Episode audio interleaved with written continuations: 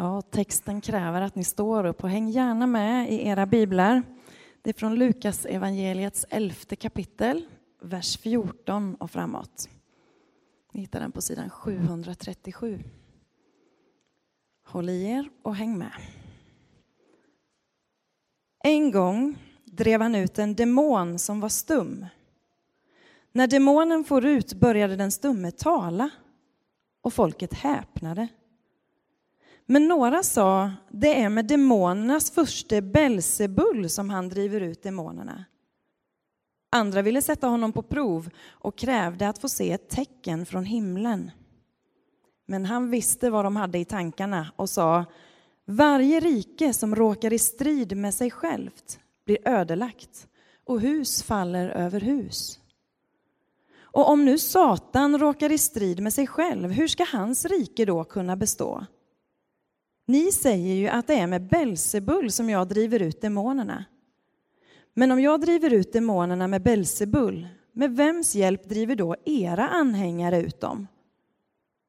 De kommer alltså att bli er dom. Men om det är med Guds finger jag driver ut demonerna, då har Guds rike nått er.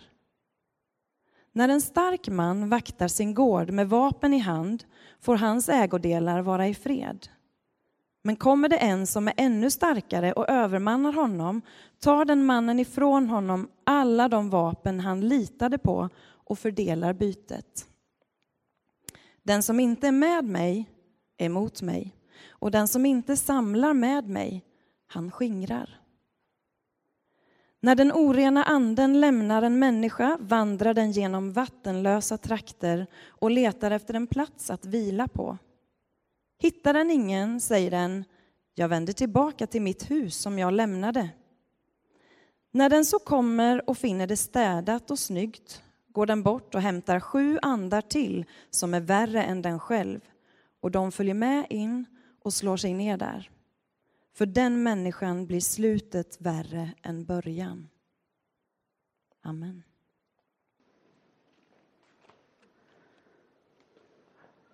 Jag såg dokumentären om landstigningen på Normandie. Det var några bra dokumentärer på SVT Play som jag såg. Den 6 juni 1944 så kommer de allierade in med båtar in mot Frankrikes kust. Och det blev ett gäng, ganska många unga soldater som skulle göra det här uppdraget att ta sig in i Frankrike. Och utgången blev mycket blodig och dramatisk. Soldaterna de sprang över den här stranden. Tyskarna sköt uppe från sina posteringar uppe i några sandbankar. Sådär. Och på stranden så fanns det ingen neutral plats. Ingen neutral zon.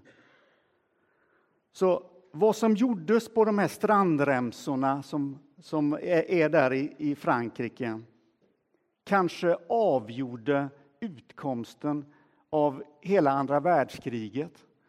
Det var i alla fall början på slutet för Hitlers välde. Och faktum är det att du och jag som individer men också oss tillsammans som en, en slags enad mänsklighet. Vi kommer under perioder till såna här laddade strandremsor. Alltså tillfällen när det onda och det destruktiva blir så där särdeles synligt. Och det är en clash, kan man säga, mellan gott och ont. Och, de här, och det här är tillfällen när det, när det liksom bränner till. Och vi fattar att det är nu det gäller. Det är nu det är dags att ta ställning. Det är nu det är dags att dra på kängorna. Många av de här unga pojkarna som tog sig över de här strandremsorna med sina vapen och sina bultande, livrädda hjärtan. De hade säkert gett precis vad som helst För om de bara kunde knäppa tre gånger med fingrarna och så var de någon annanstans på en trygg och varm plats. När livet drabbar dig och mig och vi tycker att ondskan kommer lite väl nära vore det inte fantastiskt om vi kunde knäppa tre gånger och vips så var vi någon annanstans. Långt ifrån ondskan, långt ifrån ondskans konsekvenser. Bara i en slags skön trygghet.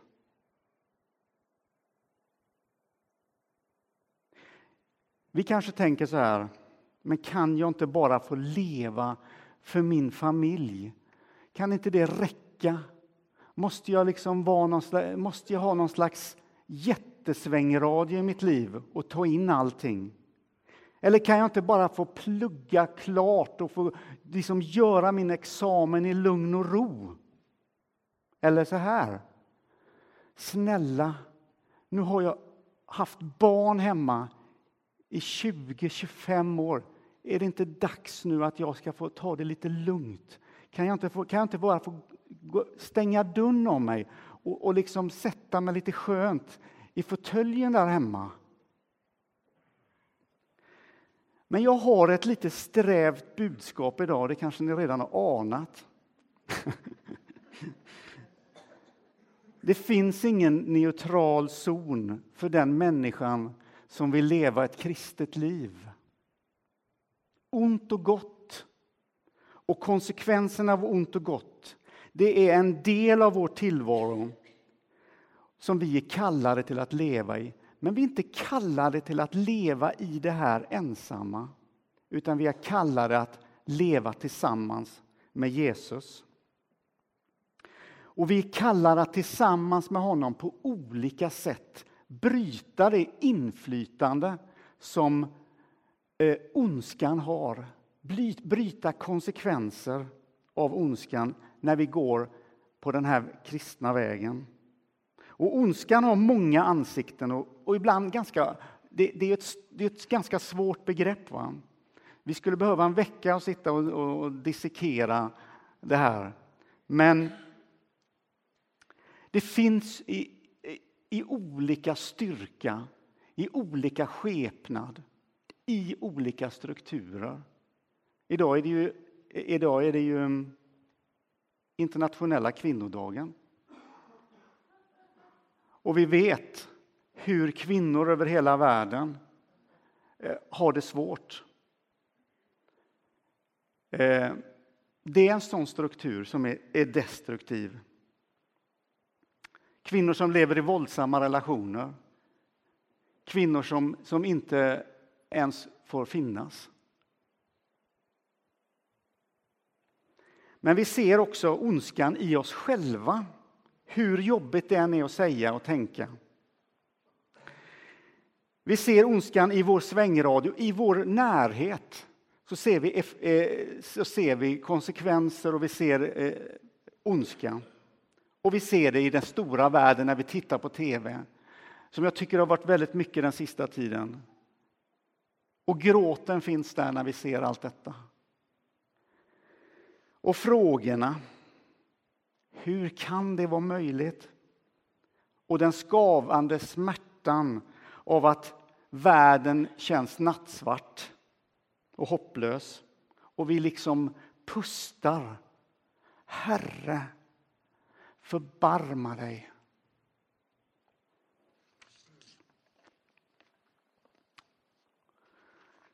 Låt oss titta på en bild från idrottens, idrottens värld. Eh, hockeyplanen den består av tre olika zoner kan man säga. Det är försvarszon, neutral zon och anfallszon. Och I försvarszonen har jag skrivit mitt hjärta. Det som du har här, det som är det allra mest ömtåliga, det som är värt att försvara. Det finns en neutral zon och det finns en anfallszon där anfallszonen är knutet till ditt uppdrag, det du har att göra, till dina gåvor, till din personlighet, vad, vad du är tänkt som människa att uttrycka. Så vill du och det här kan man säga, det här är en, eh, varför jag har lagt den här, det är därför att jag, det är en bra bild av ett kristet liv. Och, och vill du göra skillnad med ditt liv så behöver du fundera på den första saken och det är lämna den neutrala zonen. Jag tror aldrig jag har hört ett, ett hockeylag fått rådet inför en match så här. Okej tjejer, nu är det match. Och jag vill att ni stannar så lång tid som ni bara kan i neutral zon. Så länge ni bara kan. Det är inte i den neutrala zonen som kampen mot ondskan vinns. Så vad är då försvarszonen? Och det handlar om två saker, tänker jag. Och det första, det handlar om att bevara ditt inre. Och vi läser i Ordspråksboken 4 och 23. Vakta ditt hjärta, ty hjärtat styr ditt liv. Vakta ditt hjärta, ty hjärtat styr ditt liv. Så det är ett slags beskyddande av ditt innersta. Och mot allt det som vill få dig att bli ljum, bli utspädd, eller hur man nu vill uttrycka det, likgiltig kanske. Det som vill få dig att eh, välja det oviktiga före det viktiga. Det som vill ändra dina proportioner så det som är oviktigt, det blir det viktiga. Det som är smått, det blir det stora och det som ska vara stort, det blir det lilla. Det är skydd, att skydda ditt hjärta, för hjärtat styr ditt liv. Och Det handlar alltså om att vaka över din andliga kvalitet. Och Detta är ett slags försvar. Det är här den andliga integriteten i dig formas. Det är här du, din kvalitet bildas i dig. Det är i ditt försvar. Och det andra som händer i försvarszonen det är att man aktivt står emot. Att man aktivt står emot. Det står så här i Bibeln, stå emot djävulen så ska han fly ifrån er. Och ni som var här för några söndagar hörde Ingmar predika en väldigt bra predikan om Jesus när han frestades i öknen. Och för Jesus var det precis ett sådant tillfälle. Ett tillfälle då han befann sig väldigt tydligt i försvarszonen. Och Bibeln är glasklar att kampen mot ondskan också förs inom dig och mig. Och vi uppmuntras att koppla oss till Guds kraft. Att inte gå aningslösa utan förstå att det pågår en kamp aktivt varje dag, hela veckan. Det förstår Paulus när han skriver sitt brev till Efesierna när han säger det första Hämta nu styrka av hans oerhörda kraft. Om du tänker ett hockeylag som bygger upp sitt spel så börjar ju det i försvarszonen. Eller hur? Det är där man samlar sig, det är där man tar sig framåt. Hämta nu styrka hos Herren, hos, eh, hämta nu styrka av hans oerhörda kraft. Ta på er Guds röstning så att ni kan hålla stånd mot djävulens eh, lömska angrepp. Det är också ett, ett, en, en försvarshållning i ditt liv om du vill leva ett kristet liv. Ett kvalitativt kristet liv behöver både anfall och försvar. Och vi kan omöjligt tala om, det, om kampen mot ondskan utan att titta på hur Jesus levde. Han som är vårt föredöme, Alltså, hur gjorde han? Tittar man på det här så, så, så tycker jag det är tydligt att han ibland är i försvarszonen. Han, ibland är han mer i anfall, alltså att han växlar. Men har du någonsin sett honom i den neutrala zonen?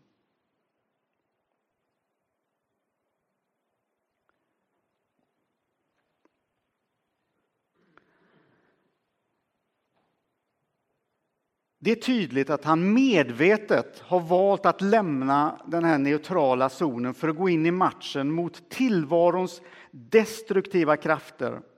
Han finns i försvarszonen och i anfallszonen. I anfallszonen där finns där centreras det kring din uppgift som människa, det som, du, som, du, som Gud har tänkt om dig. Han har en tanke med dig. Alltså det som han har lagt ner, det han har droppat ner i din personlighet men också i det han har. Att han har en intention med dig. Han vill använda det. Och, och det kommer till uttryck i anfallet. Det finns ett annat ställe i Bibeln där det står bli ordets görare, inte bara dess hörare. Det är ett annat sätt att säga det. det men spela hockey i anfallszon och inte i neutral zon. Det är precis samma sätt så, som man säger.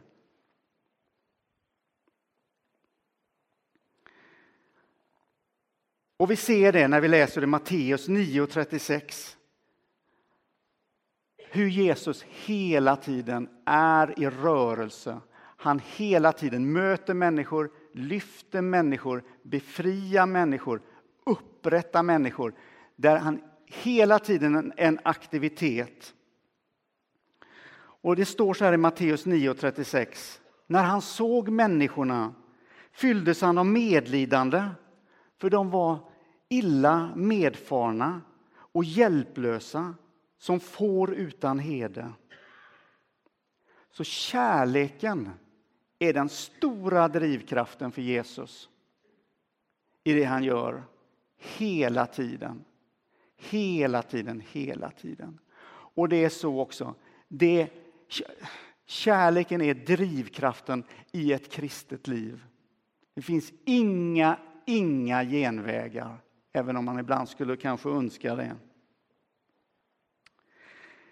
I dagens text som vi, som vi hörde läsas så är det också så att Jesus befriar en människa eh, från eh, en demon, som det står. Han befriar honom genom det här undret. Han var stum och kan nu tala. Och det som är intressant här, det är att fariseerna, de här som eh, kyrkliga folket kan man säga, de var direkt på Jesus. Och några säger några djupt kränkande saker om honom och om hans eh, liksom, intentioner. De menar att han, det han gör det, gör, det är djävulskt. Alltså att han tar hjälp av djävulen för att kunna göra det som han gör. Han gör en god sak, men de säger du, du har, det, det, har, det där trickset har du, det har du fått hjälp med av djävulen. Och det är en ganska upprörande anklagelse. Jag vet inte om du har hört legenden om bluesgitarristen Robert Johnson som eh, ville så gärna kunna spela underbar bluesgitarr. Och så kommer han till ett eh, vägskäl någonstans i Mississippi och så gör han en deal med djävulen och säger Du får min själ om jag kan spela underbar bluesgitarr. Det är en legend. Var det det Jesus gjorde? Självklart inte. Jag undrar hur jag själv skulle reagera på en sån anklagelse. Jag hade nog låtit känslorna ta över och blivit arg, eller så hade jag gått därifrån. Men Jesus han gör någonting annat. Han finner sin plats i försvarszonen på spelplanen. Han låter inte känslorna ta över överhanden. Han går inte därifrån och han knäpper inte med fingrarna tre gånger och önskar sig någon annanstans därför att det var en en intensiv och spänd och jobbig situation. Han möter anklagelserna med förnuft och logik. Han svarar, om nu, om nu Satan råkar i strid med sig själv, hur ska hans rike då kunna bestå? Alltså, hur kan Satan som är ond göra någonting som är gott? Blir det inte error då? Det är ungefär vad han, vad han säger. Och anklagelserna kommer mot Jesus och han befinner sig så tydligt i den här försvarszonen och skyddar det som är av Gud och skyddar det som Gud gör. Så när du menar någonting med din tro så kommer också motståndet, precis som för Jesus. Egentligen är det så att vi borde inte bli överraskade att vi, trycket över våra liv ökar i takt med att vi tar, tar vår tro på större allvar. En del av er har känt det.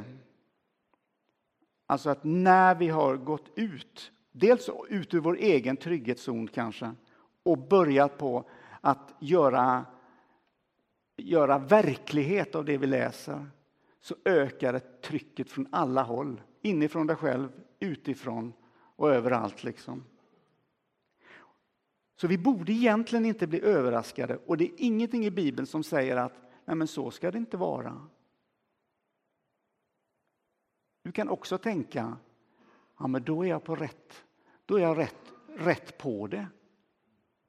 Du kanske skulle fundera om du aldrig någonsin känner att någonting, det finns inget motstånd alls. Att allt är som ett härligt bad i badkaret. Det är kanske då man ska fundera, eh, var det det här jag var kallad till? Bubbelpool och lite härligt, lite dofter och Nora Jones på lite musik. Nej, jag raljerar lite, jag är lite dum. Men ni förstår min tanke. Det finns mycket vi kan lära oss av Jesus, hur han möter anklagelser och förtal och det onda som kommer mot honom. Förhållningssätt som kan hjälpa oss när bombardemanget aldrig verkar vilja sluta. Men låt mig fråga en fråga. Hur vill du göra när du hamnar på den där strandremsan där ondskan visar sitt rätta ansikte och där, det inte, där du måste göra någonting för, för ingenting, det går inte bara att stå still. Hur vill du, hur vill du göra då? Jag menar detta. Det här är jätteviktigt.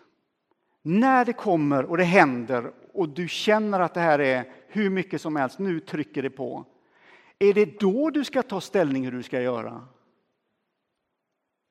Eller är det så, om du går tillbaka i tiden, att du har tagit ställning och tänkt här uppe och här inne, jag ska ha den här hållningen.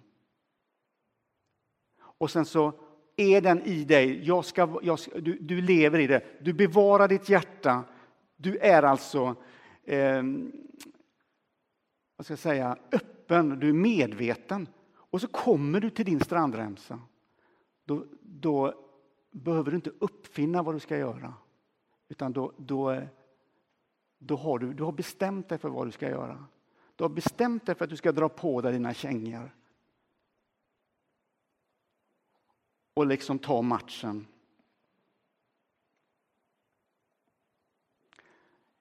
Knäpp inte med fingrarna och önska dig bort. Det är mitt tips. Vågar du låta Gud utmana dig?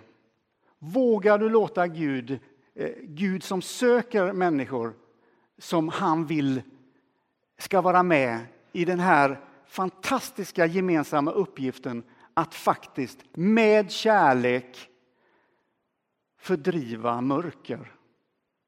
Skulle du vilja vara med där? Kanske är det dags att tänka till.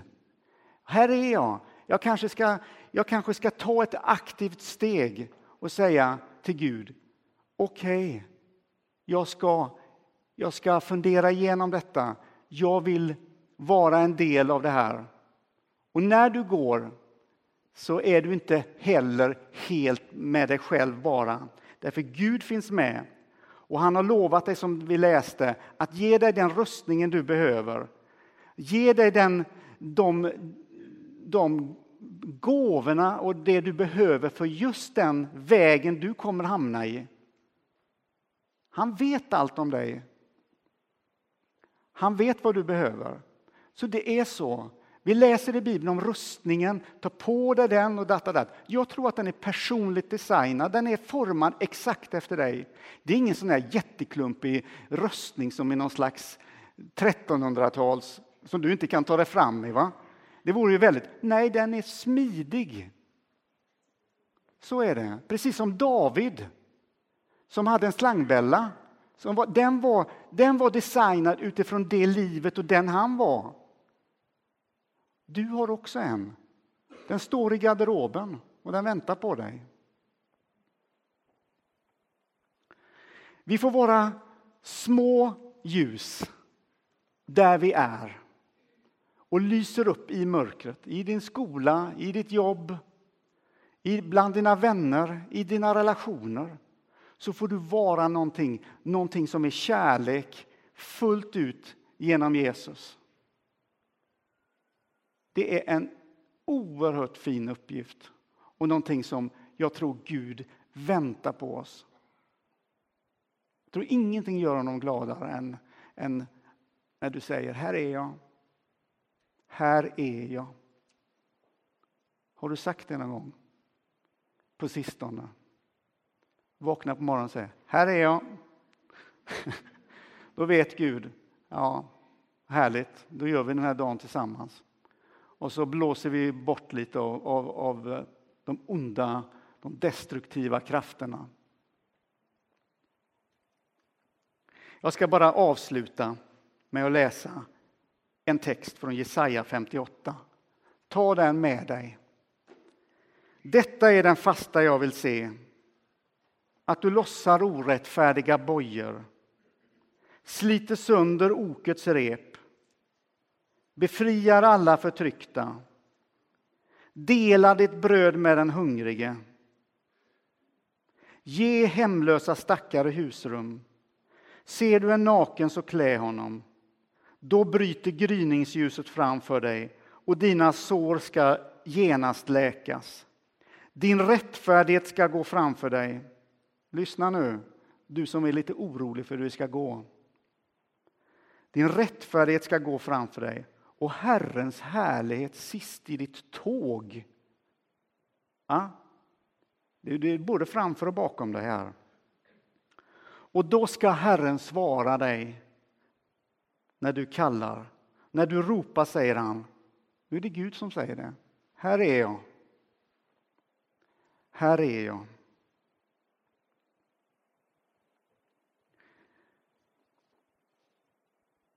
Ska vi be tillsammans?